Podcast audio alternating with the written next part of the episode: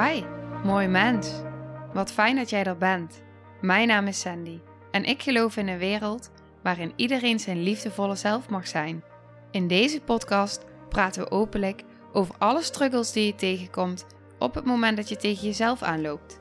Vanuit mijn kennis en ervaring deel ik levenslessen en geef ik je inspiratie hoe jij vanuit pijn en angst weer voor liefde en vertrouwen kunt kiezen, zodat jij, dwars door het donker, de weg terug kunt vinden naar het licht in jezelf. Welkom bij de Liefdevolle Strijder Podcast.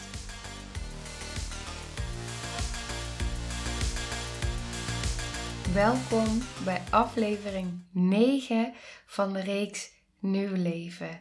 Dit is deel 2 van de vorige aflevering. Dus op het moment dat je de vorige aflevering, aflevering 8 van de reeks Nieuw Leven, nog niet hebt geluisterd, dan zou ik je echt adviseren om die eerst te luisteren, want anders stap je midden in een verhaal binnen. En verder heb ik niets toe te voegen. Ik zou zeggen, ga lekker luisteren, want je bent vast heel erg benieuwd hoe het verhaal verder gaat. Ja, we waren bij de dalende hartslag. Ja. Ja, en mijn, Paniek, mijn hoge hartslag. Ja, benauwdheid. benauwdheid. Ja. Ja, zo. ehm, ik zat even helemaal eh, te luisteren. ja, dat was ook wel heel mooi dit hoor. Heel gelukkig. Ja, nee, toen ehm, ging het beter met hem. Gelukkig. Dus die, die, dat spul wat ze toediende, geen idee, maar dat hielp in ieder geval. En toen mochten we uiteindelijk terug. En toen was het wachten. En ik voelde continu die druk, die druk, die druk, die druk. Dus de pijn was weg, maar die druk die bleef. En daardoor voelde ik ook de hele tijd die weeën. Dus ik voelde ook, jeetje, hij zit er nog steeds middenin. Want hij bleef natuurlijk in die weeën zitten. En ik had wel even wat minder pijn. Maar wel nog steeds die hele heftige druk. Die konden ze ook niet weghalen met die rugprik. Oké. En die was eigenlijk, ja, die was, Heftig. ja, die was heel heftig. Ja, en dat voelt de baby natuurlijk ook. Die voelt, niet, die voelt niet de pijn natuurlijk, maar wel die druk. Ja, want achteraf, een paar dagen daarna, zag ik nog. Hij had op een gegeven moment bij zijn oog had hij ehm, eh, ja, een soort rode plek. En toen vroeg ik aan de kraamverzorgster van, wat is dat? En toen zei ze, dat is van de persweeën, van de heftige druk. Nou heb ik geen persweeën gehad, Wel, maar zoveel druk heb ik dus gehad al die uren. Dat hij zelfs het gevoel heeft gehad van persweeën. Al die uren lang, zeg maar. Ja, dus het is echt wel Mm. intens. En Ja. ja. ja, wachten. En toen gingen ze om de zoveel uur gingen ze dan kijken van... Oké, hoe ver is je ontsluiting nu? Maar die vorderde niet. En niet, en niet, en niet. En uiteindelijk zat ik dus rond de duur of vijf op 4 centimeter of 5 centimeter. 5 centimeter om 5 uur 's avonds. Zoiets. Mm. En eigenlijk is hij niet verder gekomen dan Nee. dat. Nee. Nee, toen hebben ze nog weeopwekkers. Toen kwamen ze op een gegeven moment met het geweldige idee. Voor weeopwekkers, ja. En toen voelde ik en Bram echt allebei dat we dachten... Nee, nee, nee, nee, nee, nee. Dat gaan we niet doen. Hij had het super zwaar. En eh, jullie wilden eerst de weeën stopzetten. En nu wilden jullie de weeën gaan opwekken. En waar zijn we allemaal mee bezig, zeg maar. Dat was ons gevoel op dat moment. Toen ging ze het ook uitleggen. Toen zei ze van, ja, weet je wat het is? Als je niet kiest voor weeopwekkers, dan wordt het een keizersnee. Optie. Of je moet nog een dag willen afwachten, maar dat trekt hij niet. Dat wisten we allemaal, zeg maar. En dat voelde ik ook. Dus dan zou het een keizersnee worden. En toen zei ze eigenlijk van... eh, eigenlijk gooi je dan nu al de handdoek in de ring. Dat was de zin die ze gebruikte, die bij mij heel erg binnenkwam. Dat ik dacht, jeetje, ehm, wat wil ik dan? Want ik wil eigenlijk niet die wee opwekken. Want daar vond ik echt... eh, ja, dat was ook waarom ik geen ingeleide bevalling wilde. Ik wilde absoluut niet weeopwekkers. Maar ja, eh, wil ik dan meteen gaan voor een hele heftige keizersnee? Nee, ook niet. En toen ging ze ook echt met ons meedenken. En toen zeiden ze ook van ja, normaal geven we altijd 3 milligram. Daar beginnen we mee. En nou zouden we dan het allerlaagste wat mogelijk is, is 1 milligram. En ik hoorde daarna dus ook eh, dat dat dus echt heel laag is. Ja. Maar mijn gevoel zei al, heel gek, ergens wist ik al, het gaat hem gewoon niet meer worden. Vergeet het maar, schrijf maar op je buik, wordt geen natuurlijke bevalling. Maar ja. dat gevoel had ik toen ook al. Ja, En ik zei, zij stelde voor, ik heb daar toen niks over gezegd, want dat is mijn, mijn zaak niet. Maar zij stelde die weeopwekkers voor en dat is natuurlijk weer protocolair dat ze dat moeten doen. Maar toen dacht ik, weeopwekkers zorgen alleen voor sterkere weeën. En toen dacht ik, het probleem zit helemaal niet in dat de weeën niet sterk genoeg zijn. Nee, dat klopt. Dat zal het uiteindelijk zeker niet. Nee, maar goed, ik snapte wel. Ze hebben natuurlijk een protocol. En, en, en ze mogen ook niet zomaar kijken. In keizersnee is natuurlijk ook een operatie die voor de baby eh, minder heftig is. Maar voor moeder heftiger is. Dus ja, ik snap dat ook wel. En ik vind dat ook altijd... Nu zeg ik dat. Het is wel fijn om te horen wat je zegt nou. Ja. Dat het voor de baby minder heftig is. Keizersnede, ja, ja, ja. Ja, ja. Ja, dus Ja. ja. dat doet me wel even goed. Ja, ja. Heel luchtig. Nou, ja. maar goed. Ja, dus Ja. toen hebben wij dus eigenlijk eh, ja, besloten. Oh ja, en nog even. eh, inmiddels was dus, want ik was in het ziekenhuis. ehm eh, Anne, mijn beste vriendin, die was uiteindelijk in het ziekenhuis erbij gekomen. Ehm, ja, nou, dus die was er ook. En op dat moment, zij heeft ook een keizersnee gehad. Een spoedkeizersnee, waar ik overigens bij was. Niet bij de keizersnee zelf, maar bij haar bevalling. Eh, dus ik voelde me op dat moment ook zo'n man die erbij stond en ernaar keek. En ja, het was heel intens, zeg maar. Ehm, dus zij was er ook bij en toen gingen we dus ook overleggen van, nou, wat gaan we doen? En ik weet hoe heftig die keizersnee voor haar is geweest. Ehm, dus ik heb ook haar advies gevraagd op dat moment. En eh, toen dachten we, oké, weet je, 1 milligram, als dat dan nog natuurlijk kan, eh, als dat de laatste kans is, dan hebben we wel echt alles voor hem gedaan dat het op een natuurlijke manier kan. Mhm. En eh, ik wist ook niet dat het probleem niet daar zat natuurlijk op dat moment. Want ja, dat wisten we niet. We wisten niet Nee. wat er aan de hand was, waarom Nee. die ontsluiting niet vorderde. Dus toen eh, kreeg hij 1 milligram, of ik 1 milligram weeopwekker. En toen ging zijn hartslag omhoog. Ja. Ja, 180 herinner ik me.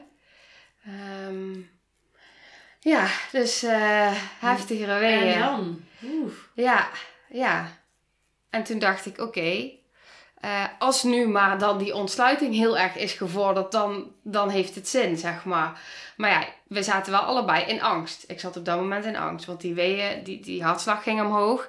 En als het maar allemaal goed gaat met mijn kindje, zeg maar. Mhm. Ehm, En dan blijven ze echt met z'n allen checken, checken. Iedere keer gaat het goed, gaat goed. Iedere keer dat motiveren?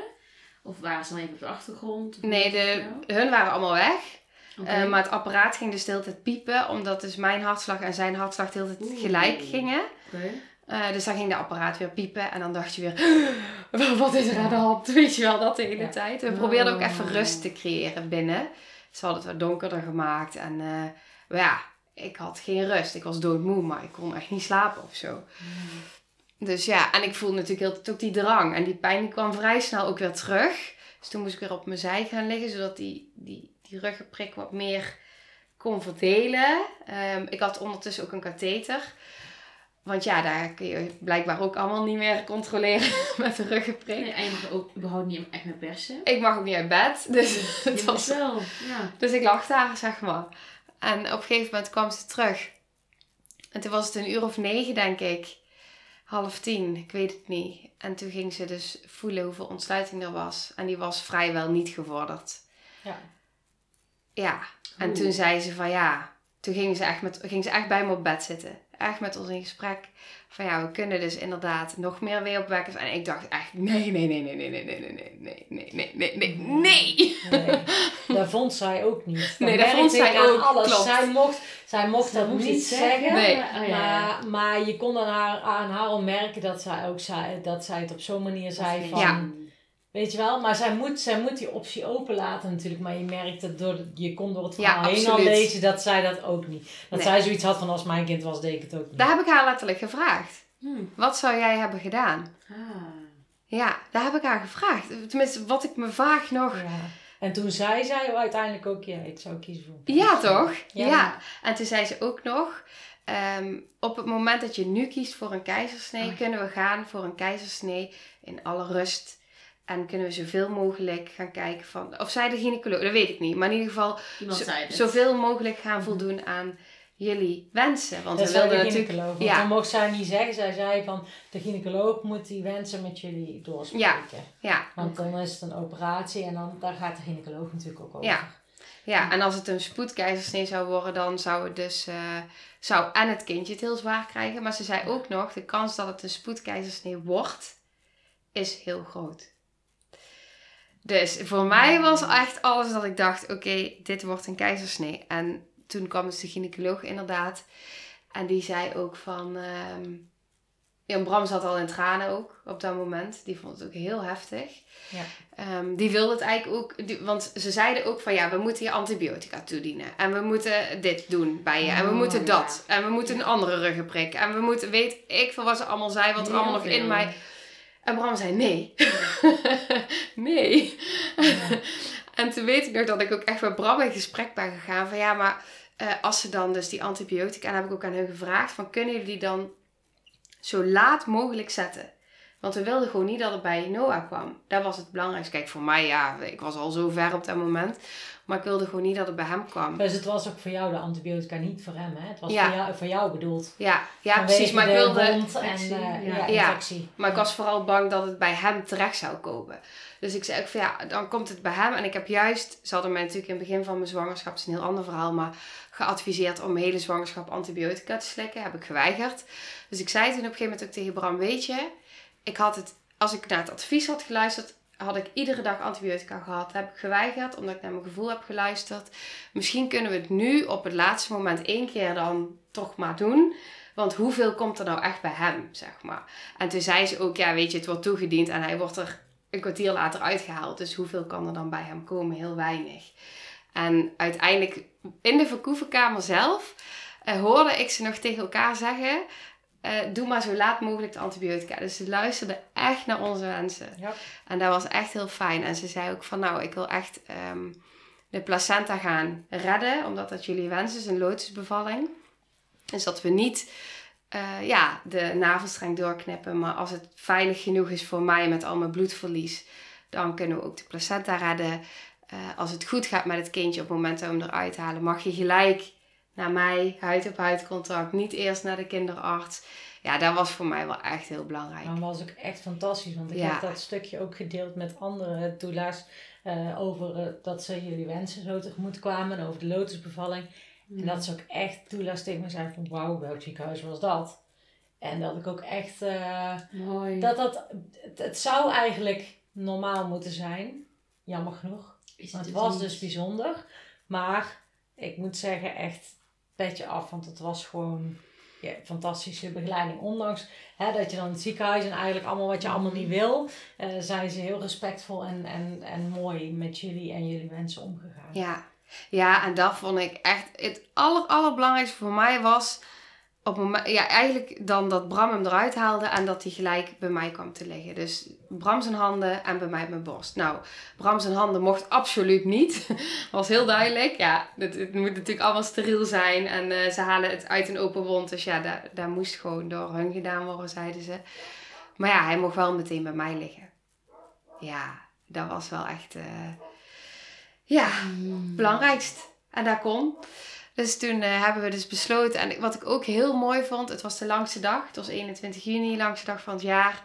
En ik weet nog dat wij dus voor die keuze stonden. En dat ik om kwart voor tien naar buiten keek. En dat de zon daar nog scheen. En dat ik echt dacht van...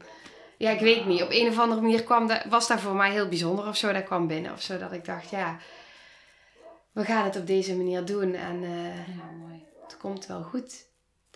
Ja, dus toen de keizersnee.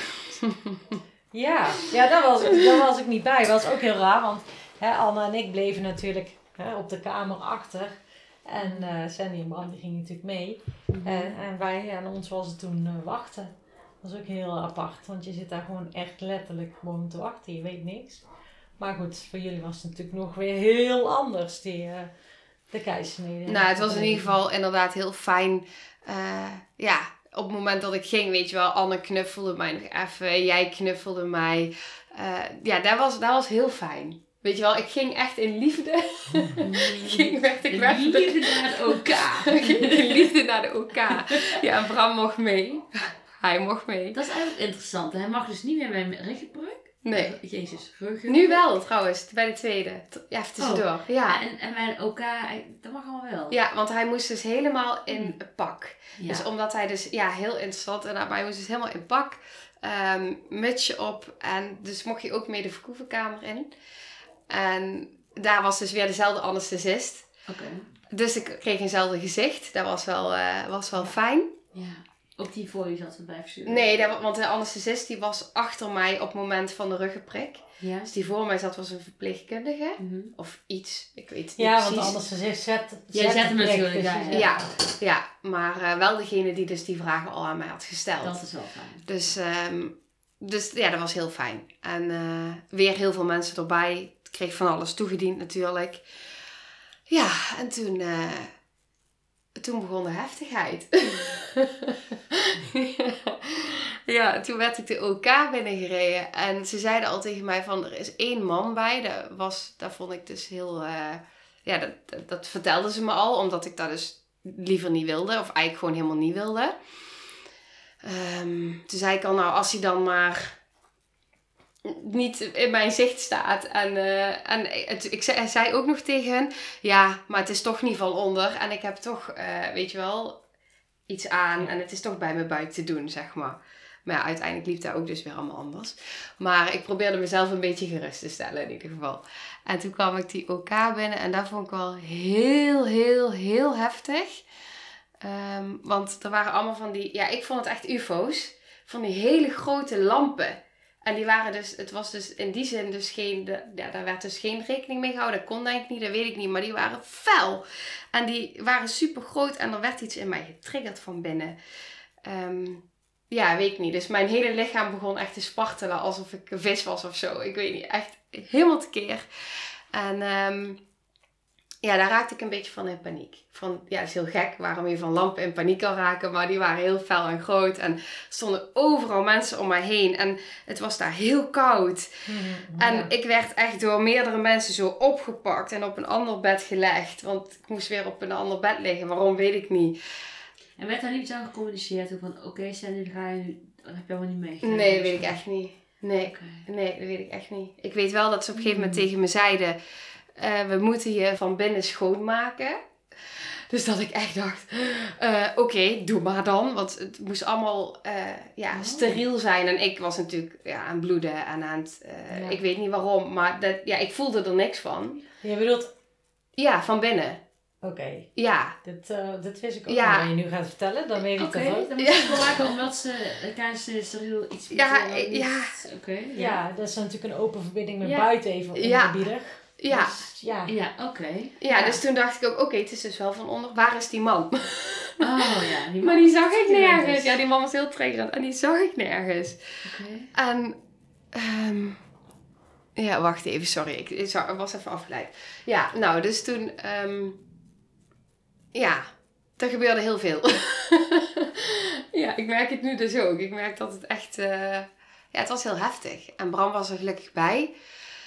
Maar er overkomt je gewoon van alles. En ze zeiden volgens mij wel wat ze gingen doen. Maar het enige wat ik me echt nog goed herinner was dat die anesthesist achter mij stond. En dat Bram naast mij zat. En die aaide me over mijn hoofd. en de anesthesist die begon mij dus weer allemaal vragen te stellen. En ik weet dat zij op een gegeven moment aan me vroeg van... Oké, als je nou zijn eh, kinderkamer inloopt, wat zie je dan? En dat ik echt dacht... eh, eh, weet ik niet, ik kan niet nadenken. Stel me niet zo'n ingewikkelde vragen. Dat ik zei, vraag het maar aan Bram. Die weet het wel. maar ja, ze moesten het natuurlijk aan mij vragen. Ja. Ja. en heeft hij dan knuffels? Ja, ja, tuurlijk heeft hij. Ja, wat voor knuffels? Ja, weet ik veel. Ik kom gewoon... Oh, maar ja, die moest mij bij de les houden. En dat was wel een uitdaging hoor. Want heel dat lichaam was aan het schokken. En ik voelde geen pijn. Maar ik voelde wel dat ze in mij, in mijn buik, bezig waren. En Bram vertelde dus ook. Het ging echt, ehm, ja, hard of zo. En ik weet nu dat Bram ook zei van... hij, je had zeg maar zo'n doek voor ons. Dus ik kon het niet zien. Mhm. Bram kon het ook niet zien, maar hij zag wel al die artsen naast mij staan, overal, naast elkaar. En hij zei dus op een gegeven moment, ja, bereid je voor, ze stonden zeg maar echt aan iedere kant van het bed. En twee mensen tegelijk, die deden echt zo, eh, die trokken zo allebei zo, vam, zo die buikspier zo, eh, ja, naar boven zeg maar. Die spreiders. Mm. Ja. Ja, ja. dus eh, nou ja, dat voelde ik. Dus ik voelde, en ja, ze waren mijn kind aan het halen. En ik voelde, en ik zat natuurlijk al zo lang in alles wat er gebeurde. Op een gegeven moment, ik zei tegen die anesthesist, ik weet niet meer hoe ik het zei, maar ik zei dus dat ik bang was. En ehm, Toen zei ze tegen mij, wil je lachgas om te kalmeren? En toen dacht ik echt, dit is echt heel erg. Als ik daar nou denk, oh mijn god, Sandy. Maar op dat moment dacht ik echt, ja, ja, doe maar, kalmeer me alsjeblieft, weet je wel. Ja. Ik was zo overweldigd. Dus zoveel tegelijk. Ja, maar Geef als iets dat, om- als jij dat op dat moment nodig hebt, dan is het ook goed. Hè? Ja, oh ja, ik vind Drugs. daar natuurlijk wat van. Ja, maar ja, er is natuurlijk al zoveel gelopen als je het niet helemaal had bedacht. Alles liep compleet anders. Je hebt al, had al zoveel Adrenaline. medicatie en die, die had al gekregen Ja. dat, dat la- gas Ja. ook er wel bij kon. Zo. Nou ja, dat dacht ik ook op dat Ja, moment. Het maakt doe echt niet maar. meer uit, doe maar. Nee. Ja, het is oké. En, en ook ergens van, ik mag best wel eh, mezelf gunnen dat ik nu even wat rustiger word. Ja. Mooi. Ja, dus toen kreeg ik lachgas. En eh, ja, ik was ook echt, die adrenaline was heel hoog. Nou, op een gegeven moment hoorde ik me, toen werd dat ding, dat was nog steeds, zeg maar, voor mij een scherm, maar dat werd omhoog gedaan, dus ik kon er doorheen kijken. En toen zag ik dat mijn baby uit mijn buik werd getild, of gehaald, zeg maar. Ja. Wow! Ja, en dat was heel bijzonder. Dus ik zag hem echt eerst zijn hoofdje en toen een lijfje. En ik, ze hebben foto's gemaakt, één arts heeft foto's gemaakt. En ik zag daarna ook echt op de foto's, waar, waar ik echt heel blij mee ben. eh, je, hij werd heel strak eruit gehaald. Dus daardoor dacht ik ook van, dat is echt dat gevoel inderdaad. Net als dat je dus aan de andere kant eruit komt. Hij werd echt heel strak zo, ja, ehm, Mooi. geboren eigenlijk. Ja, en toen eh, hoorde ik hem huilen en toen zag ik hem zo voor me. En toen hebben ze wel nog even, ik weet niet, ze hebben hem schoongemaakt volgens mij. Eventjes een beetje, hij zat natuurlijk helemaal onder het bloed. En toen eh, werd hij bij mij gelegd op mijn borst. En dat is zo gek. Echt direct op het moment dat hij dus bij mij werd gelegd, toen was alles, al, alle paniek, alle adre- adrenaline, alles was weg. Dus ik had echt het gevoel van, het is compleet, hij is er, hij is veilig, hij is bij mij, we zijn verbonden. En ik dacht alleen maar, ja, ook mijn hele lichaam reageerde gewoon. Ik, ik, ik weet nog dat ik een paar minuten later tegen die anesthesist zei... eh, mag, ik, mag ik water in mijn gezicht? Want anders val ik in slaap. Dat kon ik natuurlijk helemaal niet. Maar ik voelde dus zo dat mijn lichaam... Rust of zo. Ja, ik, ik zou zo kunnen slapen, dat gevoel. En dat kon ik niet, maar meer zo... zo Tevreden en compleet Ja, en misschien wel moe en alles bij elkaar. Ja. ja. het was helemaal goed, zeg maar. Ja, dus eh, Mm. toen was hij er. Ja, en ik heb, Oh. ja, dus dat was zo'n fijn moment. En ik heb ook de hele tijd tegen hem gepraat. Eh, want het duurde natuurlijk drie kwartier voordat ze me dicht hadden ge- genaaid, zeg maar. Oh, dat eventjes, ja. Ja, dus ik dacht ook echt, oké, Oh. ik hou mijn focus bij jou. En niet bij wat ze daar allemaal aan het doen zijn, bij jou. Want ja, je voelt daar ook natuurlijk weer van alles gebeuren. Ja. Dus ik was alleen maar tegen hem aan het praten. En eh, ja, hij was er. en de placenta was er ook. Wauw. Ja, ja, heel bijzonder. Ja, Ja, Ja. heel mooi. Ja, en dan natuurlijk het, het hele ding van allemaal zo natuurlijk mogelijk als eigenlijk plan thuis en het balbad. En eigenlijk is natuurlijk alles anders gelopen. ja. Hoe is dat nu voor jou? Ehm, hoe is dat nu voor mij? Nou, als eerste ben ik echt sowieso... Ja, nou, wat dus heel fijn was... Ik had een paar weken daarna had ik een gesprek met de gynaecoloog. telefonisch. En wat mij heel erg heeft geholpen was dat zij tegen me zei, want ze zeiden al op die dag zelf, toen ze hem eruit haalden, hij lag dus op een manier dat hij nooit eh, op dat moment meer dan 5 cent. Ja, dat wist ik dus niet. Nee, ze zeiden toen nog van. Wat zeiden ze toch? Ja, dat hij dus verkeerd lag en dat het dus sowieso niet was gelukt. Dat zei ze. Ja. En eh, toen ze me belde, zei ze ook echt van ja, hij was gewoon niet verder dan 5 centimeter ontsluiting gekomen. Want zijn dikste stuk van zijn hoofd lag op het smalste stuk van mijn bekken. En daarom had ik dus zo extreem veel druk. En hij ook. Ja, ik weet ook niet precies hoe ik het dan voor me moet zien. Mhm. Maar dat hielp mij heel erg. Omdat ik daardoor en ook echt voelde van oké, dus dit was echt de ervaring die wij nodig hadden. Hij lag dus echt op die manier. Dus het was ook niet op de natuurlijke manier gelukt. Ja. Want ik voelde heel erg veel eh, schuldgevoel naar mezelf. En ook een stukje angst dat ik dacht van ja, heb ik nou zoveel trauma nog daar zitten in mijn baarmoeder. Want ik weet dat daar trauma zit nog. eh, dat mijn lichaam me of wilde beschermen dat het niet op die manier wilde. Of dat het niet op die manier kon. Of dat mijn lichaam het niet kon. Of Ja. Dat ik het dan... En daar kan ik natuurlijk ook niks aan doen. Want dat is ook gewoon wat het is. Maar dan voelde het toch meer als... Ja, mijn schuld of zo. Eh, terwijl ik rationeel weet dat dat niet zo is. Maar emotioneel voelde dat wel anders. En toen ik dus ook echt dat terugkreeg, kon ik daar ook wel meer in voelen. Dat ik dacht, ja, Mm. ja, dus het is oké. ja, ja, Wauw, wat een verhaal. ja. heftig. Ja. Wat, een bevalling. ja. Wat een Wat een bevalling. Maar hij is er en hij is heel knap. ja, hij is echt heel knap. Ja. Ja. Zo lief het is het. Ja, ja, dus het was ook echt... Ja, en dan die... Daarna lig je nog een paar dagen in het ziekenhuis. En dan kom je thuis en dan is er meteen kraamzorg. En ik kreeg echt geen kans om dingen een plek te geven voor mijn gevoel of zo. Dus hij is wel uitgesteld geweest.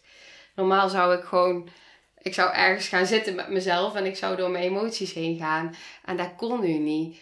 Dus ja, er waren wel heel veel emoties trouwens. Maar ehm, Niet die echte die je zelf wilde voelen of zo. Niet Nee, ik had op een gegeven moment wel één moment inderdaad dat ik echt dacht van ik moet gewoon even schreeuwen. En dat heb ik gedaan. En daar lucht op. En dat is dan ook maar heel even. Dat soort, weet je, het moet er gewoon de ruimte krijgen om, eh, ja, om eruit te kunnen. Mm. ja, dus ik Ja. vond het, eh, ja, weet je, het, het loopt zoals het loopt. En eh, daarin voelde ik ook wel echt van, eh, ik kan het echt wel accepteren dat het zo is gegaan. Dus ik heb niet het gevoel gehad van, ja, dat het niet goed is zoals het is. Het is goed zoals het is. Maar ik had wel tijd nodig om het allemaal een beetje, ja, een plek te geven Ja. of zo. Ja, En dat mag ook. ja, Zeker. Ja. ja, Want Ja. ja, er is natuurlijk van alles gebeurd. Je bent geopereerd, eh, dingen liepen anders, eh, je hebt een kind. Alles is gewoon compleet anders nu. ja, Ja, zo, ja. ja. Ja, hij is er. Ja, en dat was gewoon het belangrijkste. En dat is ook op dat moment. En ja, wat ik ook heel erg geloof, hè, je ziel heeft gewoon bepaalde ervaringen nodig. En daar hebben wij het laatst ook over gehad. En wij volgens mij ook nog. Van, ik geloof gewoon zo erg. Je kan, ik heb natuurlijk heel veel van tevoren, hè, ik heb er heel veel vertrouwen in gehad en gevisualiseerd. En ehm, ook echt gevoeld en geloofd dat het op die manier zou kunnen. Maar ik geloof ook echt dat jouw ziel van tevoren, voordat je hier op aarde komt, bepaalde ervaringen nodig heeft om daar weer in te helen. Of, ja. En blijkbaar was dit wat wij nodig hadden. En die voel ik ook wel echt. En dan is het gewoon goed. Ja, wat jullie gewoon Ja. samen nodig hadden. Ja, Ja. ja, En is het goed, ja. ja, Ja. ja. En ik voelde natuurlijk ook wel dat ik dacht, jeetje, ik heb aan jou beloofd een soort van... Dat ik jou eh, er doorheen adem, zeg maar. En dat heb ik niet kunnen waarmaken. Dus dat voelde ik ook wel. Maar ja, ehm, blijkbaar eh, was het zo. Ja, Wauw. ja, Mooi, ja. Ja. Echt Een heftige ervaring, maar ook een hele mooie ervaring. Ja, Vond ik ook. ja zeker. Ja. Ja. Ja. En vooral als je hem Ja. dan vast hebt. Ja, dat geloof ik, ja. Ja. Ja, Ja, wij waren natuurlijk aan het wachten dat jullie terugkwamen eh, van de OK natuurlijk. Mm, ja, En samen. het moment dat we, dan, dat we ze dan over op de gang hoorden we jullie stemmen. En toen wisten we van, oh, dus Anne en ik stonden er natuurlijk op om jullie op te vangen. En dan, Oh. ja, dat was echt zo prachtig.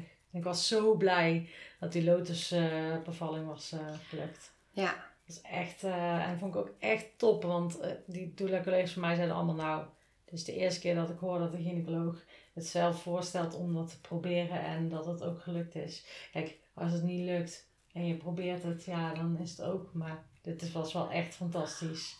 Dan was ik echt, daar zei ik ook nog van tevoren tegen de verpleegkundige toen jullie op de OK waren. Ik zeg, hoop zo dat die lotusbevalling dat het lukt. Want het was ook echt Echt een zoiets, eh, ja, zo'n grote wens van jullie. En er waren al een aantal dingen anders gelopen, maar dit was dan gelukt en dat was wel echt wel heel fijn. ja. Ja. Ja, want volgens mij was het de eerste keer dat zij het had gedaan. De gynaecoloog. Ja, maar ik vond het wel mooi, want zij stond ook gewoon overal voor open. En Ja. zei, ik ga het proberen, ik ga het Ja. gewoon proberen.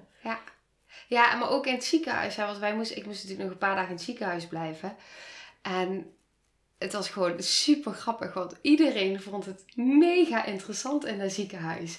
Er kwamen echt ook gewoon mensen in opleiding en zo.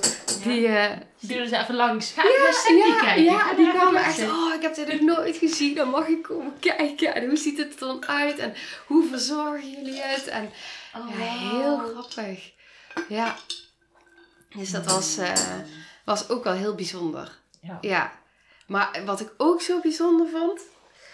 Hij lag natuurlijk in mijn armen en wij kwamen op de, op de kamer. Mhm. En hij lag gewoon binnen een uur nadat hij geboren was, lag hij gewoon van mijn borst te drinken.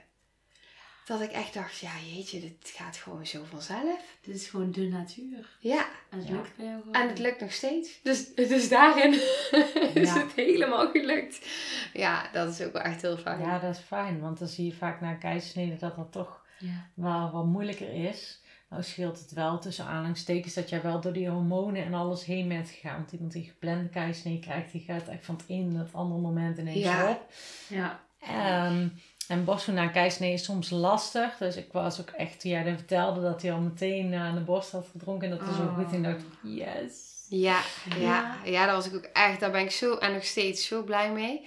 Maar ik heb natuurlijk, ik weet niet of dat verschil uitmaakt, maar ik heb ook voordat, vanaf week 37 ben ik begonnen met kolven. Ja, dat scheelt zeker ook. En dat was Oh. echt doorzetten hoor. Want in het begin, de eerste paar weken, er kwam nog geen druppel. En dan zit je maar met het ding en het voelt niet fijn en het lukt niet. En, maar ik dacht, ik zet door.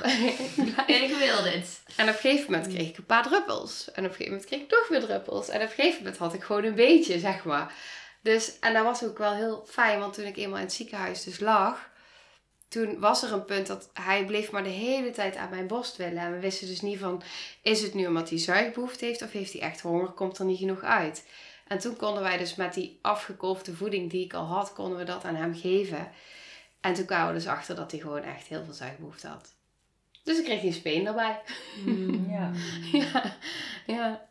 Nou, Ja. dat is wel fijn. ja want ze zeiden ook, ja, je borst is niet om de hele tijd aan te zuigen. Het is echt om te drinken, want anders hou je Ja. geen tepels over. Nee, Ja. dat klopt. Dan gaan ze helemaal kapot. Hij Ja, lag echt ja. uit de eerste nacht alleen maar aan die borsten.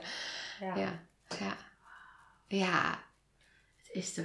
Ja, maar ook voor jou iedere keer weer magisch. Ja, Iedere dat keer is weer het. zulke mooie dingen meemaken. En ook zulke heftige soms. Maar- Ja, elke bevalling is anders. Ja. Ja. Dat is echt, maar al- altijd, altijd mooi. Je bent altijd van meerwaarde als doula. En ik voel me nog steeds heel erg bevoorrecht. Als ik erbij mag zijn, vind ik echt bijzonder. Dat blijft bijzonder. Vind ik echt. Ja, ja, maar dat is ook. En inderdaad, dat moment. Ja, ik, ik dacht echt. Er kwam ook, op een gegeven moment kwam de verloskundige dan bij ons thuis in die kraamweek. En ik zei ook tegen haar, ik zei, ik snap niet dat jij dit werk trekt en leuk vindt. Je ziet alleen maar vrouwen met zoveel pijn. En toen zei ze tegen mij, dat klopt. Maar ik zie ook vrouwen die steeds meer kunnen. Dus die gaan steeds een stapje verder, halen steeds meer kracht uit zichzelf. En uiteindelijk is het moment daar dat ze dat kindje vast hebben. Ja, en dat is waar je het gewoon voor doet. Ja, Ja, en dat is ook, want dat moment, of het nou is natuurlijk of via een keizersnee, ja, op het moment dat je je kindje vast hebt, Dat alles valt samen. Ja. dat is magisch. ja, dat is Mm. Ja. één. Dat is die echte natuur. Dat is, dat- ja. Ja, dat is, ja, dat is niet te beschrijven ook niet, zeg maar, dat gevoel. Nee, Want Nee. ik probeerde er net woorden aan te geven, maar nou denk ik, ja, daar kan je eigenlijk helemaal geen woorden aan geven. nee. Nee, maar dat is iets, ja, dat, dat, dat, is, dat kun je, dat kun je je al, voorstellen. Als je geen moeder bent, kun je je dat al helemaal voorstellen. En als je moeder bent, dan weet je wat het is. En dan kun je er nog steeds geen woorden aan geven. Nee, Zo gek. Zo, Zo bijzonder. dus. bijzonder Ja. is het. ja, En dat maakt niet uit, hè, want jij De hebt- hele wereld er nou staat één stil. natuurlijk. Ik heb er drie. En bij elk kindje is het weer ja. bijzonder. Ja, maar ook echt het gevoel inderdaad dat die tijd stilstaat. Maar ook het gevoel van, al stort hier het hele gebouw in. Al stort de hele wereld om me heen. Ik heb jou vast. En alles is oké. Het maakt me allemaal niet meer uit, dat gevoel. Ja, ja dat. Ja, en dat is echt... eh, Ja. Dus ja. En dan... Dat is echt het, oer, het, het oermoederinstinct. Ik weet niet wel hoe je het wil noemen, maar Ja. dat, dat gevoel. Ja, en daardoor denk ik ook dat het mij zo helpt om er oké mee te zijn en te accepteren. Want ook daardoor voel ik van, stel nou dat ik dus wel had gekozen van nee, ik wil het natuurlijk of wat dan ook. En het was een spoedkeizersnee geworden. Ja. Dan was hij naar de kinderarts gegaan. En dan was hij niet in mijn armen. Weet je wel? En dan denk ik, ja, dit, dit is het aller, aller, allerbelangrijkste geweest. Dus alleen daarom al, ehm, Is het een goede keuze? 100.000 Gewoon procent. trots naar hoe het is gelopen. ja, dus ook al was het heftig, het was echt, ja, Ja. Dat, is- ja. En Ja. je mag altijd trots zijn op jezelf. Want zeg ik tegen elke vrouw die bevalt, want hoe de bevalling ook loopt, jij hebt gewoon keihard gewerkt. Je kind heeft keihard gewerkt. Ja. Je hebt samen keihard gewerkt. En, Ja. en je, je mag trots zijn op jezelf en op je lichaam en op je kind en op je partner. Want het is gewoon zo. Ja. Het is gewoon heel, eh, heel mooi hoe het ook loopt. Ja. Ja. Mm, ja. Nou, Het is, eh, ja, het is gewoon heel mooi. ja, zeker. Ja, Nou, dankjewel voor het verhaal. ja, Ja, fijn dat je het wilde, wilde delen. Ook, het voelt ook heel mooi om het nog een keer helemaal vanuit jou te horen. Ook. Hmm, ja, Ook al was ik erbij. Nu hoor je dan Ja. nog al die emoties. En ja. ja. Alles rondom. Nou, dat is ook fijn om te horen. Ja. Ja, en fijn dat je erbij wil zijn. Ja. ja, vond ik ook echt heel fijn. Nu, Ja. nu en nu om erbij te zijn bij het podcast en ook bij jouw bevalling natuurlijk. Ja. ja, Ja. maar ik denk ook oprecht dat het voor de luisteraar ook heel waardevol is om te horen dat het dus vanuit mijn kant, maar ook vanuit jouw kant, ehm, Ja. ja, weet je, hoe het dan zeg maar kan lopen en dat het dus ook heel anders kan lopen, maar ook dus op het moment dat het heel anders kan lopen, dat het ook echt wel, ondanks dat het heftig kan zijn, dat het oké kan zijn en Ja. dat het niet traumatisch hoeft te zijn op het moment dat jij maar voelt dat je gezien en gehoord wordt. Heel belangrijk. Dat is het. Zeker. Ja, ik denk dat dat het belangrijkste is altijd. Sowieso. Ja. Ja. Dus er worden gewoon geen grenzen over gegaan. En mijn lichaam zal, zich, zal het daar vast niet mee eens zijn als ik dit zo zeg. Want ja daar, is, ja, daar gebeurt natuurlijk echt wel wat. Ja. En dat heb ik mezelf natuurlijk ook wel afgevraagd. Dat ik dacht van ja, misschien komt er nog een moment dat er nog dingen in mijn lichaam uit gaan komen. Dat kan. Natuurlijk van die keizersnee of zo, want ja, er gebeurt natuurlijk wel heel veel. Ja, prima, dan komt dat. Ja. Maar ik denk wel dat het schokken al heel veel heeft gedaan. ja.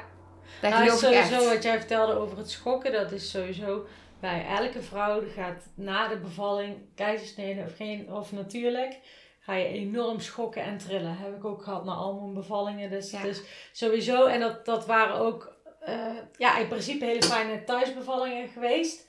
eh, die helemaal eigenlijk naar wens verliepen. Maar het is toch, je lichaam zet daar een topprestatie neer en, en die gaat toch, die, de, hè, dat releasen, dat moet toch gebeuren. Ja. Dus eh, een deel klopt inderdaad met wat jij zegt. En een ander deel is het ook normaal tussen aanstekens dat, eh, Ja. dat het gebeurt. Dus dat is misschien ook wel fijn om te horen dat het ook wel normaal is. Ja. Zeker aan het, eh, hè, op het moment suprem richting Ja. het einde, dat dat bijna bij elke vrouw dat is. Ja. Ik weet nog dat mijn benen echt zo, mijn, ik lag, hè, ik ben op mijn rug bevallen. Hm.